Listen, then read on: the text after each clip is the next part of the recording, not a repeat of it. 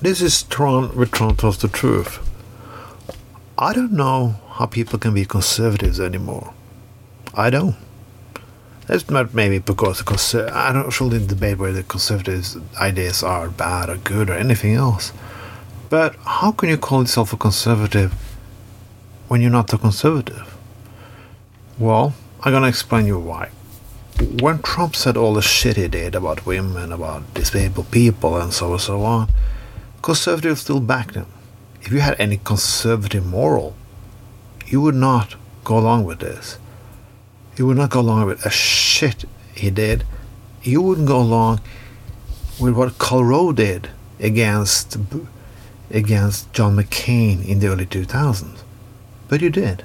You're still supporting people who have no moral at all. No moral. When I grew up, I knew conservatives around me. Yes, they were strict, believed in God, some of them really. Like you have to work hard for your money, save money, and blah blah blah blah. You all that conservative bullshit to think is going to get you to heaven. But again, they had some moral. I don't agree with them on a lot of politics issue, but I can respect them. Many of today's conservatives, going from the 70s, 80s, and up, I do not respect. When they say to me they are conservative, it's like means nothing. Oh, what you're really for? You're for things. You're against things when other people doing it, not when yourself are doing it. I don't remember when Clinton was getting blown by Monica Lewinsky. The conservatives were outraged. They want to put him on trial. Trump has been put on trial nearly two times, the conservatives, people who call them conservatives, are voting against it. Yes, they don't him on trial. They don't give a shit what they self are doing. It's all about what the other people are doing. It's incredible.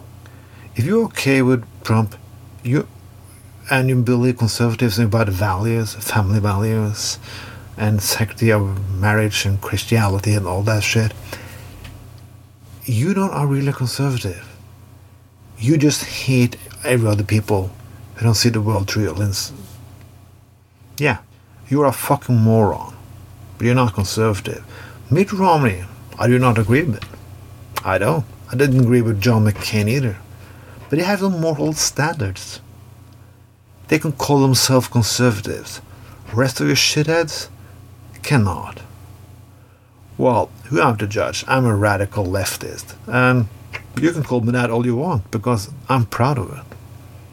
It was people who I support who brought opportunities to people, the unions, the weekend, the normal wage we can live on, not conservatives. They always have been and always be working for the upper class. The great lie conservatives always tell you is if you work hard, you can become as them. But if you're going to become as them, that means they will get less money. And people who has a lot of money is one thing in com- one thing in common. They will not share it with anyone else. This is Tron with Tron Tells the Truth. Have a fucking nice day.